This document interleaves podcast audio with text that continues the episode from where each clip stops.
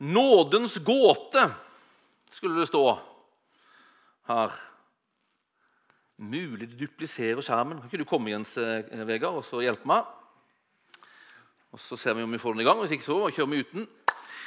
Nådens gåte er taleserien vi kommer til å begynne på nå i eh, januar her.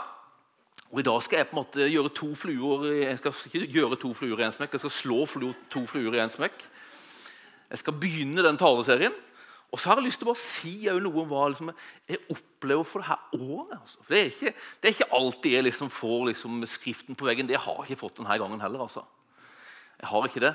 Men, eh, men, jeg har liksom opplevd at det ligger noe foran oss. Liksom. Noe som har liksom litt med retning å gjøre. Og Om det er for det her året eller om det er for en lengre periode, det kan godt være, men det ordet som, jeg kjenner på, det ordet 'nærmere'. Et ord for 2024. Spørsmålstegn, utropstegn, har jeg skrevet. Så er jo ikke anspråk på liksom å høre liksom ufeilbarlig. Men jeg mener at det er et utropstegn, og så kan du stille spørsmål hvis du vil. Men 'nærmere' er et ord jeg har kjent litt på. Og eh, For mange år siden så hadde jeg liksom eh, Da, da, da, da nyttårsaften, og jeg hadde en kompis, og vi bestemte oss vi skal lage en sånn stor grand finale på fyrverkeri. Det var på den tida man solgte og kjøpte pinneraketter. Og vi investerte ganske mye penger i én pinnerakett. Altså. Det var prat om en tusing, tror jeg, så det var ganske mye på den tida. Så nå skulle vi lage den store finalesmellen på nyttårsaften. og Vi gleda oss, og vi liksom eh, hadde store forventninger til den store pinneraketten. og Alt ble sendt opp, og så var det klart for den store finalen. og Så tente vi på. Og så gikk den oppover i rett retning. Og så gikk den Og så bare ble det ingenting. Så det var masse retning, men det ble ingenting. Altså. Og det er liksom ikke sånn vi skal være som menighet. Vi skal ikke være en nyttårsrakett som ikke fungerer. Vi skal være som en nyttårsrakett som fungerer. Vi skal ha retning. Men når vi går på den retningen, når vi kommer til steder vi skal, så skal det skje noe. Vi skal ha en slags sprengkraft med oss i den retningen vi går. Og Her kommer på mange måter de to fluene i en smekk. For jeg opplever at det finnes en slags retning for oss. Men så finnes det jo på en måte noe som vi skal ha med oss, som skal sprenge litt. Påvirke og gjøre en forandring. Og den sprengkraften vi bærer med oss, det er evangeliets sprengkraft. Og hva er sprengkraften i evangeliet? Ja, det er Jesus. Men det som ligger bak evangeliet, det er Guds nåde. Jesus er selve beskrivelsen, definisjonen av hva Guds nåde er. Og nåden fra Gud er det vi skal bære der vi kommer. Så retningen vår tror jeg, er nærmere. Og Når vi tenker menighet, så tenker vi alltid tre retninger. Vi tenker som en trekant. Vi tenker liksom oppover. Og det er forholdet vårt til Gud. Jeg tror at det fins liksom et kall for Gud, en invitasjon for Gud. Kom nærmere. Nærmere Jesus. Og så er det innover, som handler om fellesskapet vårt. Og jeg tror vi skal komme nærmere Jesus hverandre. Og så er det utover til mennesker som enda ikke er en del av vårt fellesskap. Og jeg tror vi skal komme nærmere bygda vår. Nærmere bygda vår. Og hva er det som er koblingen med å komme nærmere og nåde? Jo, jeg tror er det noe som gjør at vi kan komme nærmere, så er det nåden. Nådens gåte. Og Når vi kaller en taleserie for 'Nådens gåte', så er det litt fordi vi har stjålet den tittelen fra en bok. Vi, vi, jeg og Kristine vi har En gang i måneden faktisk, så har vi en samtale med Martin Cave. Det har vi hatt helt siden han var her i høst. Og Vi prater om menigheten, og vi, vi, vi, vi ber sammen med han. og ber, vi, prater liksom Hva tenker vi for menigheten? Det er jo jeg Kristine som mest tenker for menigheten. Martin er mer liksom der for å supporte oss. Og Så var vi inne på noe vi kjente på for menigheten. Og så sa han dere må lese en bok. sa han. 'Nådens gåte' av Philip Jansi. Les gjerne den boka. Det er en fantastisk bok om Guds nåde. Og hvorfor nåden? Jo, for nåden tar oss nærmere. Ingenting bryter ned barrierer og skillemurer. Ingenting opphever avstander. Ingenting forsoner og forener som det å gi og få ta imot nåde. For det andre, hvorfor nåden? Jo, fordi nåden er sprengkraften. altså. Nåden er sprengkraften. Paulus han, han beskriver frelsen som Guds nådegave. sier han. Guds nådegave. Og det å bli kristen det handler om å ta imot Guds nåde, som er gitt oss i Jesus Kristus. For det tredje hvorfor nåden? Jo, det oppdraget vårt handler faktisk om den. Se hvordan Paulus beskriver sitt oppdrag når han er liksom på vei liksom bort fra sine venner i Efesus, skal til Jerusalem. Han vet han kommer til å bli tilfangetatt der. Og så sier han det til dem. Men for meg er det ikke liv eller, for meg er ikke liv eller død verdt å snakke om. sier han. Bare jeg kan fullføre løpet og den tjenesten jeg fikk av Herren Jesus, og vitne om evangeliet om Guds nåde. Evangeliet handler om Guds nåde. Det må handle om Guds nåde. Hvis ikke er det ikke evangeliet. Det er nådens evangelium. Så hvorfor skal vi holde på med nåden? Fordi det handler om nåden. Det handler om nåden. Nåden. Er, hva, er, hva er nåde for noe? Hva er nåde? Det finnes et gresk ord som liksom oversettes med nåde, som heter charis. Det er ikke karis. Men hvis du tenker at det kan hjelpe deg å huske det, så karis. Tenk på det. Karis. Og det handler helt enkelt om en gave. Gave. Hva er gaven? Gaven som Gud gir. Det er at Gud gir det vi ikke har. Vi mennesker har rett og slett ikke noe å komme med i oss sjøl i forhold til Gud. Det har jeg funnet på helt sjøl. Altså. Men det skandaløse ved nåden er at når vi ikke har noe, så bringer Gud alt som trengs til hver og en av oss, og tilbyr det som en ren gave, står det der. Det er nåden, det er gaven, det er den det handler om. Den er skandaløs. Den er så forunderlig, det her. Vi har ingenting. Men istedenfor å bare disse oss, forlate oss, la oss være liksom alene i vår fortapthet, så velger Gud å gi oss alt det vi ikke har. Vi har vel noe, da? Nei, vi har ingenting. Så han bringer alt til bordet. Alt som trengs. Det gir Gud oss.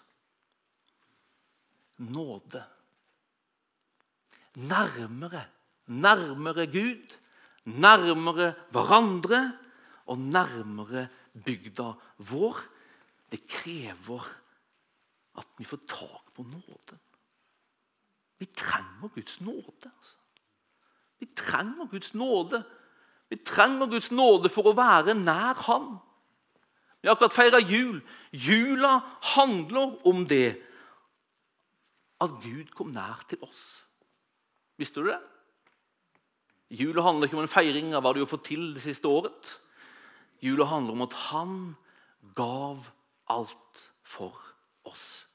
Så når vi prater om at vi drømmer og lengter om at vi skal komme nærmere han, så handler ikke det om at vi drømmer om at han skal komme nærmere oss. Men vi drømmer og lengter om at vi skal på en måte fatte og forstå og klare å holde oss nær til han. Hold deg nær til meg. Jeg tror det er et ord fra himmelen. altså. Det er så lett at vi på en måte går våre egne veier og holder på med våre egne prosjekter og tenker at vi må bidra. Men det fremste liksom, kallet fra Gud, det er hold deg nær til meg. Hold deg nær til meg. Hvordan kan vi klare det? Å holde oss nær til Han. Hva er det som avgjør og bestemmer om vi kommer til å benytte oss av den gaven det er faktisk at han er så tilgjengelig at han står rett foran oss alltid? Han står og banker, står det i Bibelen. Det er ikke bare hver søndag. Det er ikke bare en gang iblant han er på godt humør. Det er hver dag. Han står og banker og vil ha fellesskap. Det første som gjør at vi benytter oss av den gaven og gjør at vi kommer og holder oss nære han, det er at vi innser at vi trenger nåden. Vi trenger hjelp. Vi trenger at han tar imot oss. Men uten at vi forstår det, så kommer vi ikke til å benytte oss av det. Vi trenger det. Vi trenger det.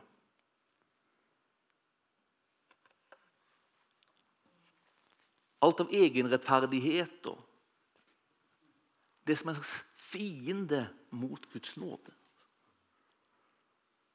Og Han sier bare 'Bare innse det med en gang'. Du har det ikke i deg sjøl. Du trenger meg. Du trenger meg. Det andre er at vi må tro at nåden er tilgjengelig for oss. Altså at Gud er såpass god altså, at han er fine med at vi ikke får det til. Han er helt fine med det. Han tolererer det. Han tolererer det at det han tar imot når han ønsker oss velkommen, det er ikke all verden som skryter av. Det er helt greit for han å ta imot det på en dårlig dag. Han vil det. Han er såpass god. Og har du et annet bilde av Gud, så kommer det til å hindre deg i å ta imot Hans nåde. Du trenger ikke ha en god dag for at nåden skal være tilgjengelig for deg. Den er tilgjengelig alltid. Og så må vi tro at Gud vil gi den til meg. Meg. Så vi må erkjenne at vi trenger Hans nåde. Vi må tro at Gud er så god at han vil gi den til deg. Og så må du ha såpass godt selvbilde, god selvfølelse, at du aksepterer at du er verdifull nok for å ta imot den. Alle de tre tingene der er potensielle hindre for oss for å ta imot Hans nåde. Det er hindre for oss for å dra oss nær. Det er ting som kan holde oss på avstand. Det er ting som holder oss på avstand fra Gud. Og jeg tror noe på en måte, den, den, den, den vanligste, det er skam. Det er skam. Man bruker si skylda sier at du har gjort noe galt. På med de konkrete ting du har gjort. Men skammen er en slags fornimmelse av at det er noe galt med meg. Jeg er ikke verdifull, jeg er ikke bra. Og den opplevelsen, fornimmelsen, gjør at du bøyer hodet ditt i forhold til Gud og holder deg på avstand. Jeg tror for 2024, hvis vi skal være et folk, en gjeng som er nærmer oss Jesus mer, som, som holder oss nær til Han, så tror jeg vi trenger på en måte å fokusere på de her tingene. Påminne hverandre om de her tingene. Altså. Vi trenger nåden. Det må vi påminne hverandre om. Vi må ikke stoppe der. For Når vi påminner om at vi trenger nåden, så må vi påminne om at du er velkommen. Den er tilgjengelig. Gud gir den, og han vil gi den til du. Skammen må liksom bekjempes som en fiende. Og jeg gjør det på en måte, Hvis jeg fornimmer liksom at det fins en, en, skam hos mennesker som jeg møter, så, så, så, så preker jeg Guds godhet. altså. Så preker jeg din verdi. For det er det Guds hjerte sier om du. Det rommer du. altså. Han vil ta imot deg. Denne følelsen er En som heter George Smedes, tror jeg han. Han sier det her om denne skammen. Han kjempa masse med skam, og så beskriver han det han opplevde når han kjempa med den. Og kanskje du kjenner det igjen. Det jeg følte mest, var en klump av uverdighet som jeg ikke klarte å forbinde med noen spesiell synd jeg var skyld i. Det jeg trengte mer enn tilgivelse, var en følelse av at Gud aksepterte meg, eide meg, holdt meg, bekrefta meg og aldri ville slappe, slippe tak i meg, selv om han ikke var altfor imponert over det han holdt i sine hender. sa du. Det er. Gud ønsker å ta imot oss. Min bønn for dette året er at vi skal være en menighet som holder oss nær Han. Holder oss nær Han. Nærmere Jesus. Og så er min bønn at vi òg skal nærme oss hverandre, og at vårt fellesskap her skal være et nådefellesskap. Er det noe som gjør at vi nærmer oss hverandre, det er at nåden råder iblant oss. Og Det å ha et nådefellesskap det er et sånt fellesskap som Jesus ønsker å ha. Paulus han skriver til menigheten i Filippi om hva han tenker at liksom han ønsker for de og det fellesskapet de har. Da sier han til dem ha samme sinnelag og samme kjærlighet. Vær ett i sjel og sinn. Gjør ikke noe av selvhevdelse og tom ærgjerrighet, men vær ydmyke og sett de andre høyere enn dere sjøl. Tenk ikke bare på deres eget beste, men òg på de andres, står det der. Og Så fortsetter han i vers 5 og så sier han, ha Kristi sinnelag. Hverdagsbibelen sier det sånn. Sånn Jesus var, skal òg dere være. Vær sånn mot hverandre som Jesus var mot dere. Hva betyr det der, da? Å ha et nådefellesskap. Hva kjennetegner et nådefellesskap? Jo, det, det kjennetegnes av å være et fellesskap der vi tar imot hverandre. Gud tar alltid imot oss.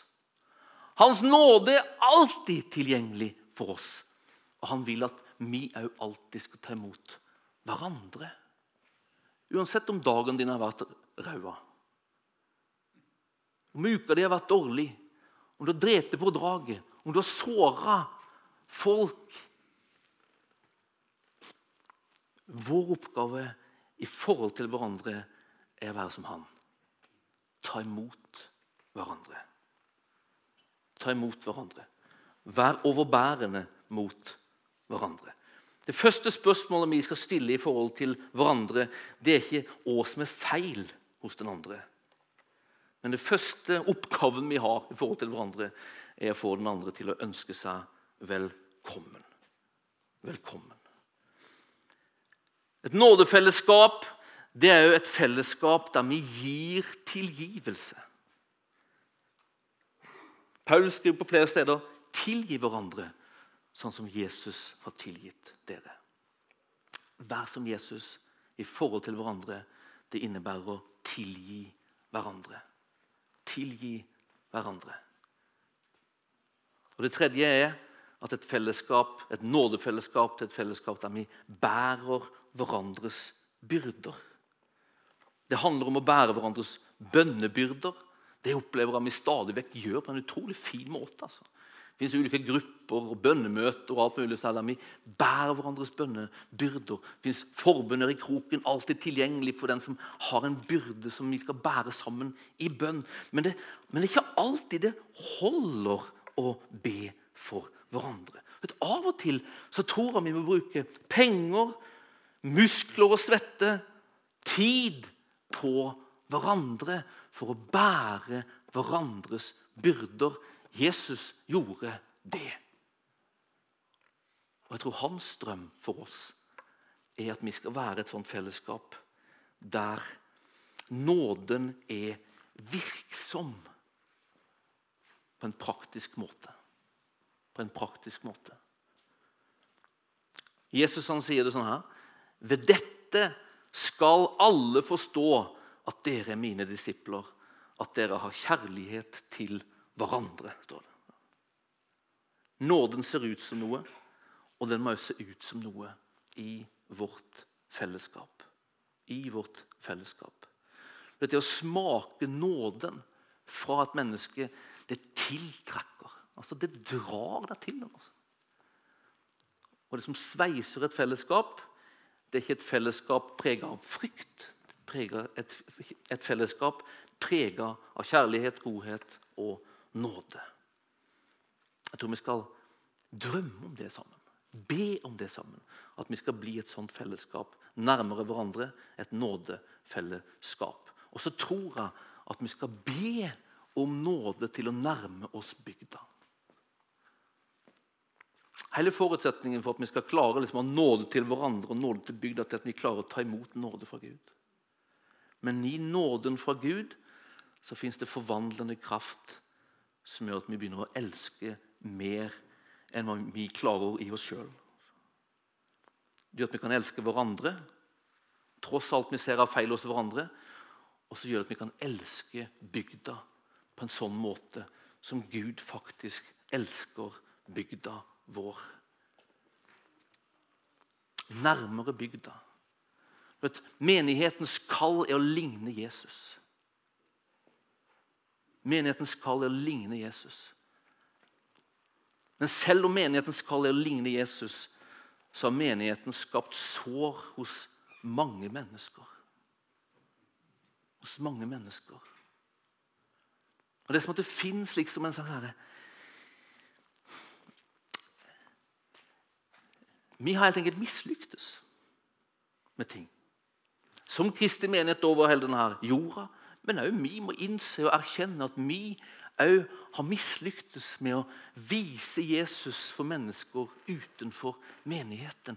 Jeg tror at vi, vi har vi, vi, Jeg, jeg syns at vi er ganske nær bygda vår. Jeg syns at vi til og med kanskje, av og til er ganske sånn, gode på det. Men jeg tror at vi ikke er så gode som Jesus er enda. Og jeg tror at vi mislykkes iblant. Jeg tror at Gud ønsker å ha oss enda nærmere bygda. Jeg tror at Gud ønsker å skape møter mellom oss og mennesker der ute som faktisk kan lege sår. Jeg tror at Gud ønsker å skape møter mellom oss og bygda som faktisk connecter mennesker med oss og fører mennesker både til oss og til Jesus. Jeg tror fellesskap av oss Jesus sier så her, dette er tegnet på at dere er mine disipler, at dere elsker hverandre. Det er som at det fins noe i dette fellesskapet og kjærligheten med hverandre som skal være et tegn for denne verden. Åssen hjerte har han for mennesker?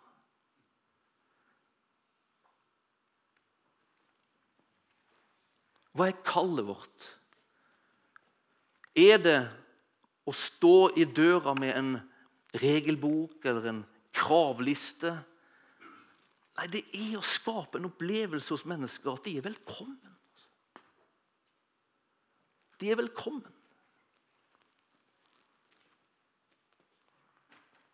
Hvordan kan man gjøre det?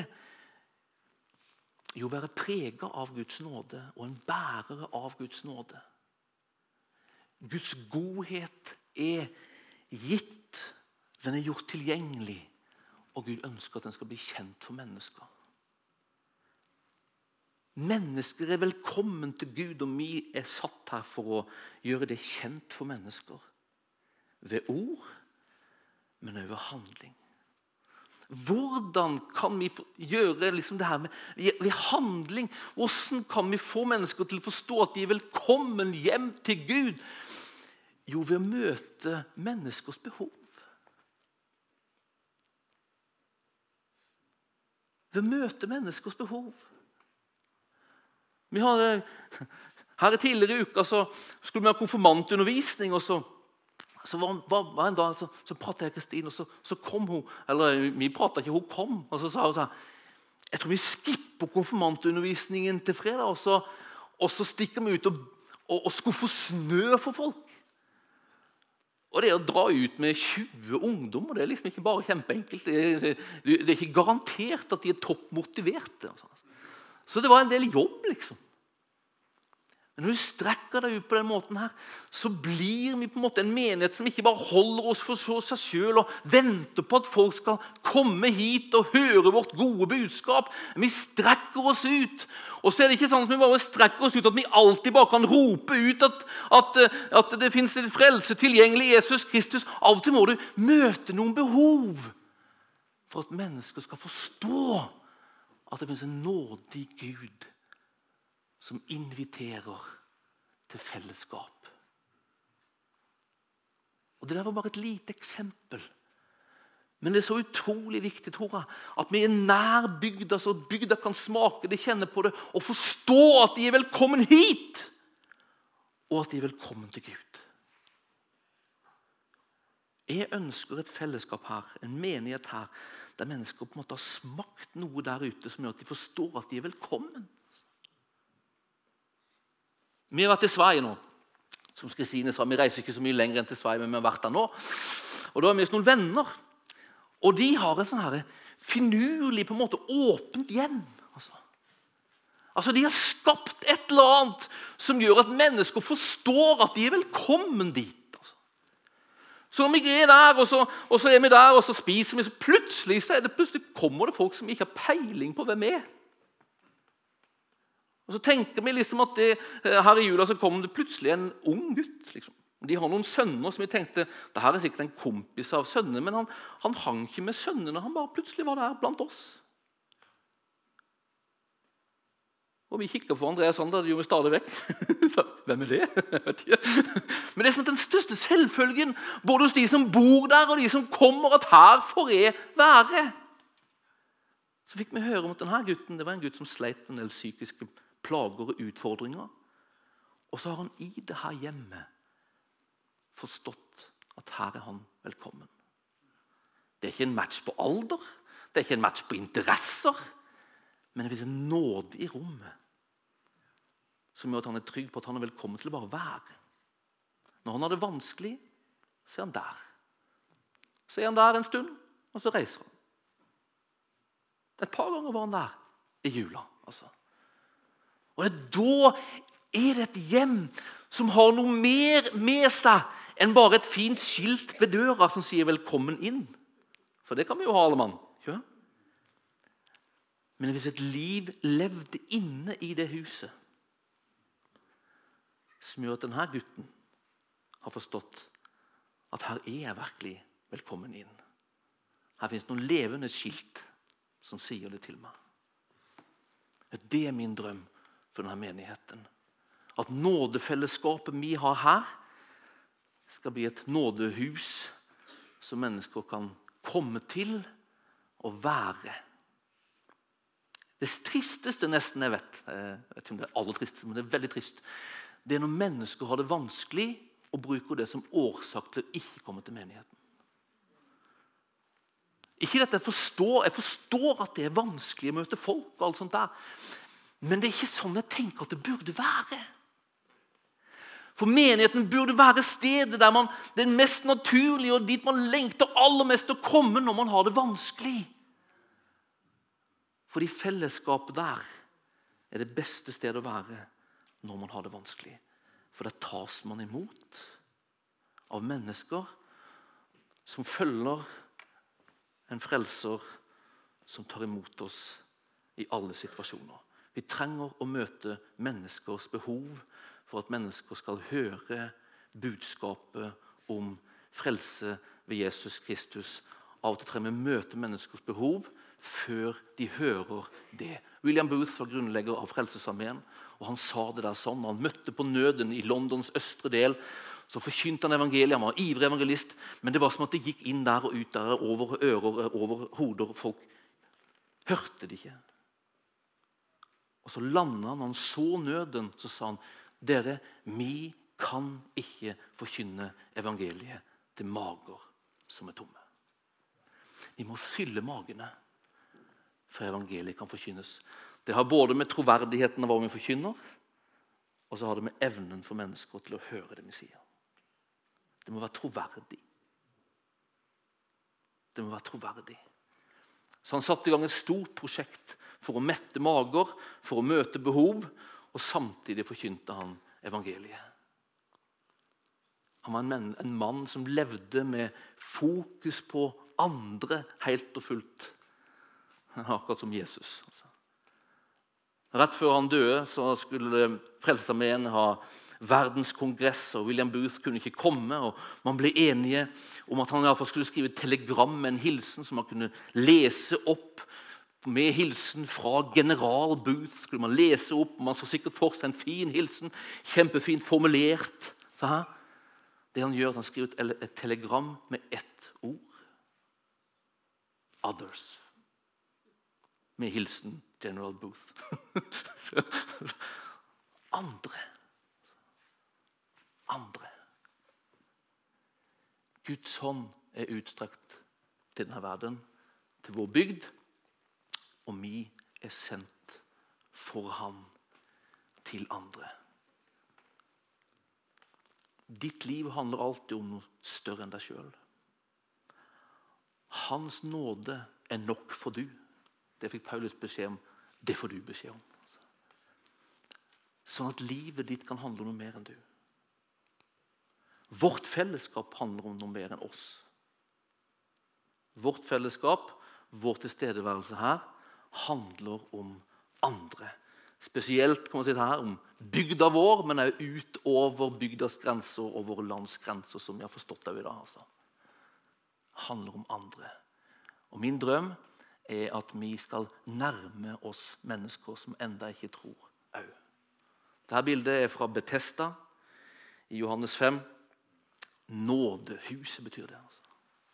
Der kommer Jesus. Og Der ligger det en lam mann ved Betesta. Og Han ligger der. Og Betesta, det her nådehuset, det er som en teori, for han opplever og erfarer ingen nåde. Han ligger der hjelpeløs. Han klarer ikke å kravle seg ned i det her vannbassenget som, som skulle bringe liksom en legedom til. Han klarer det ikke, han har det ikke, han ligger der hjelpeløs. Det er et nådehus han er til stede i, visstnok, men det er en teori. Så kommer Jesus, og så demonstrerer han hvordan et nådehus skal se ut. Det er et av de her få undrene der Jesus ikke Han spør ikke om noe som helst. Han spør ikke om 'tror du', eller han spør ikke heller 'vet du hvem jeg er'? Det eneste han spør om, det er 'vil du bli frisk'? Vil du ha hjelp? Ja, sier mannen. Og så får han det. Uten betingelser. Uten betingelser. Nådehus det er det vi drømmer at vi skal være som menighet. og Derfor setter vi fokus på Guds nåde nå i begynnelsen av dette året. Guds nåde, nådens gåte, skal vi prate om de kommende uker. Og så ønsker vi at nåden hos oss ikke skal være en fin teori, men at det skal fødes er jo på en måte et praktisk uttrykk. Det skal se ut som noe både her inne og der ute. Og det drømmer vi om for det kommende året. Amen.